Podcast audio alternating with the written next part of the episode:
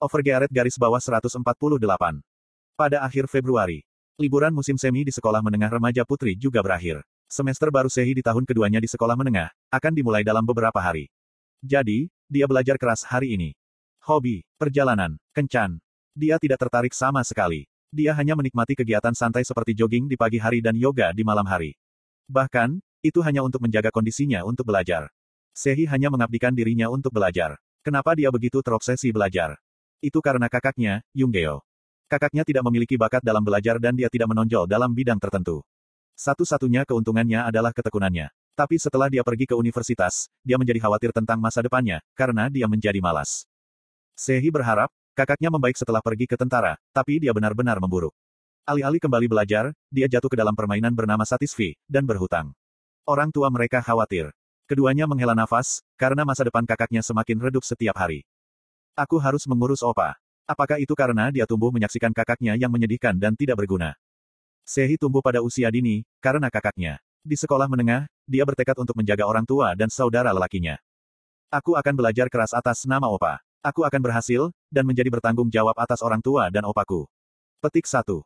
Tidak seperti kakaknya, Sehi berbakat. Dia adalah siswa yang baik, pergi ke sekolah menengah remaja putri yang prestisius dan memiliki nilai tertinggi di negara ini. Tujuan utamanya adalah sederhana. Dia berencana untuk lulus dari universitas terbaik, mendapatkan pekerjaan yang baik, mendapatkan gaji tinggi, dan mendukung orang tua dan saudara lelakinya. Opa bisa percaya padaku. Dia terus belajar sambil berpikir begitu. Namun, masalah terjadi belum lama ini. Saudaranya berubah. Kakaknya tiba-tiba menjadi mandiri secara ekonomi di daerah tertentu. Itu benar, itu berkat Satisfi. Ironisnya, itu adalah permainan yang memakan sebagian masa muda kakaknya.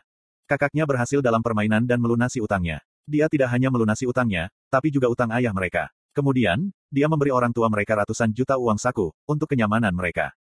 Suatu hari, kakaknya berkata kepadanya, dalam satu tahun, aku akan membeli bangunan 10 miliar won. Kita bisa menyewakannya, dan keluarga kita bisa hidup bahagia, selama sisa hidup kita. Sehi bangga dengan kakaknya yang berhasil berubah. Dia senang. Di sisi lain, dia juga khawatir. Ini bukan gertakan. Dia memiliki kemampuan untuk membelinya, tapi saudara lelakinya telah membeli 800 juta won mobil asing, segera setelah dia menghasilkan uang. Dia tahu jika orang kaya sering kehilangan kekayaannya, karena kurangnya pengaturan ekonomi. Sehi khawatir, kalau kakaknya akan cepat kehilangan kekayaannya. Selain itu, dia juga khawatir, tentang hubungannya dengan gadis-gadis. Jika dia terlalu mencolok, ada banyak wanita yang tertarik pada pria yang mengendarai mobil asing 800 juta won. Tapi, bukankah saudara lelakinya seseorang yang tidak memiliki pengalaman kencan? Dia akan mudah dibodohi. Huh, aku akan merasa lebih nyaman, jika aku dengan opa. Dia ingin mengawasi kakaknya 24 jam sehari. Sehi memiliki obsesi yang tidak biasa dengan kakaknya. Mungkin, karena dia sudah mengambil tanggung jawab untuknya, selama beberapa tahun. Hah? Dia duduk di mejanya, ketika dia mengalihkan pandangannya ke jendela. Itu berisik di luar. Apakah itu seorang selebriti?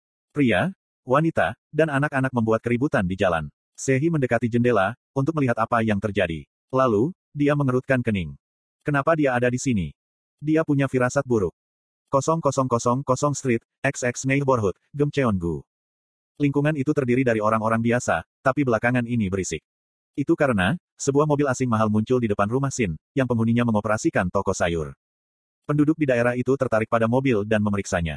Itu adalah model ke-13 dari B Company. Ini 800 juta won. Petik 2. Wow, aku gemetaran. Sin Ah Jusi, Apakah dia menjual banyak kubis? Bagaimana dia membeli mobil ini?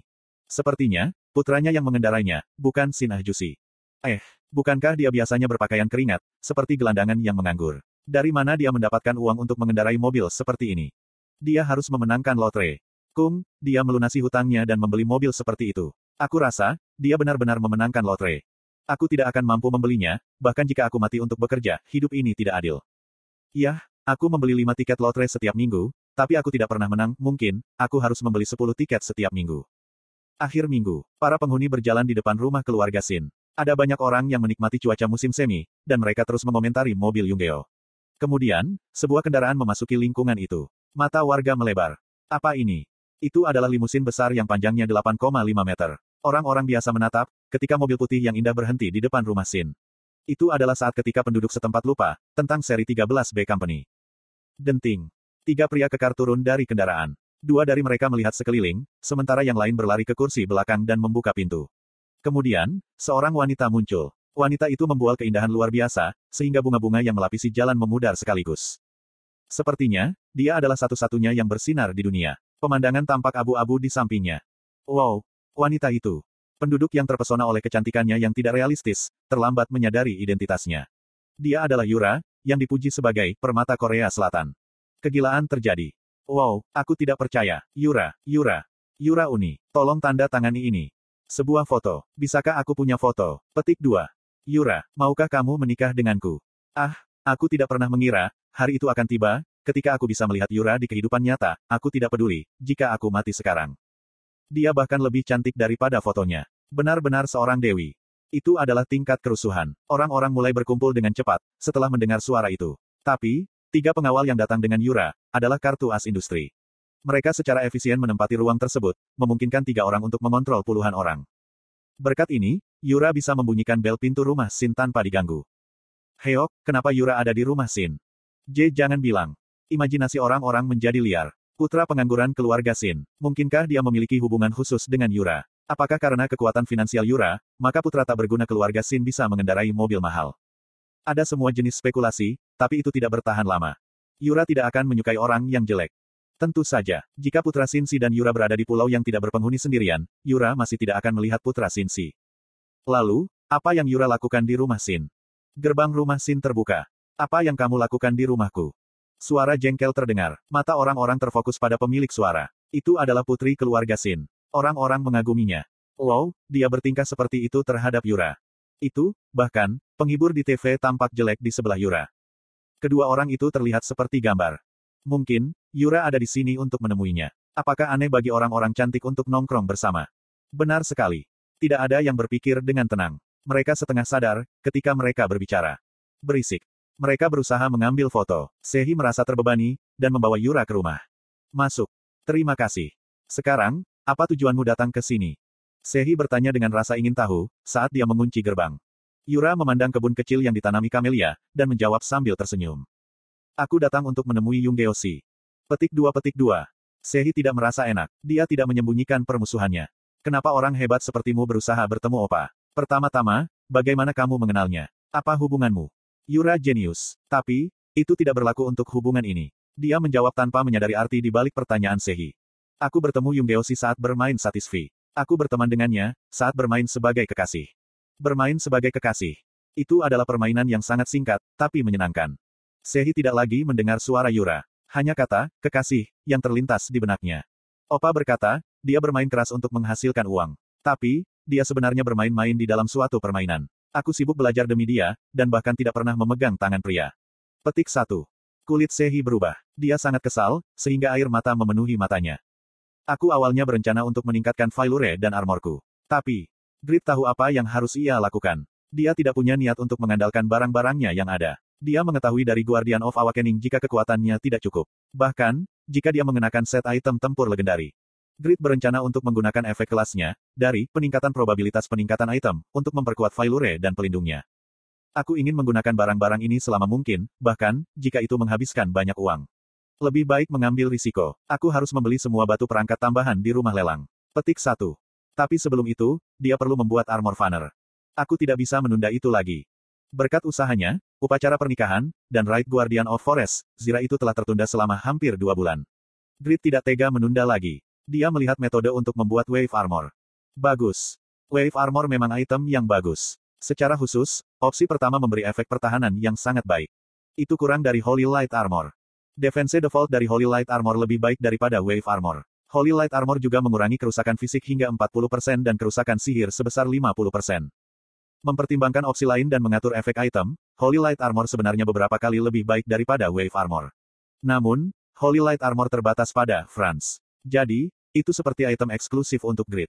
Jika aku ingin menjual armor, wave armor lebih baik. Setelah semua anggota guild memiliki item mereka, dia akan menghasilkan wave armor dalam jumlah besar, dan menjualnya ke peringkat. Grid sangat senang memperoleh metode produksi wave armor secara gratis. Tang, tang. Suara memalu itu ringan. Grid sangat antusias memproduksinya dan bekerja dengan konsentrasi tinggi. Setelah sekitar tiga jam, Fanner datang mencarinya. Grid merasakan kehadirannya, tapi terus memalu. Apa?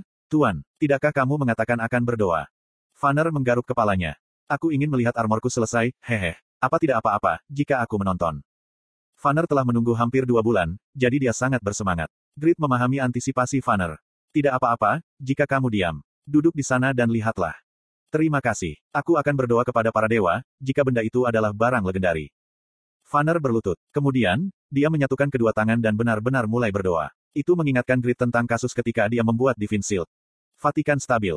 Tidak ada berita, jika seorang paus baru telah dipilih.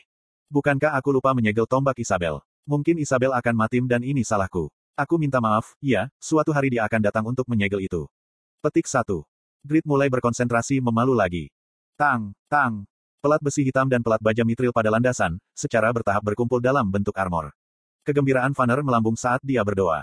Tolong, biarkan selesai dengan peringkat legendari. Aku berdoa kepada semua dewa di dunia. Tolong, tolong beri peringkat legendari. Petik 1. Saat doanya mencapai puncaknya. Ini, adikku memanggil. Lalu, palu Grit tiba-tiba berhenti. Hah? Apa?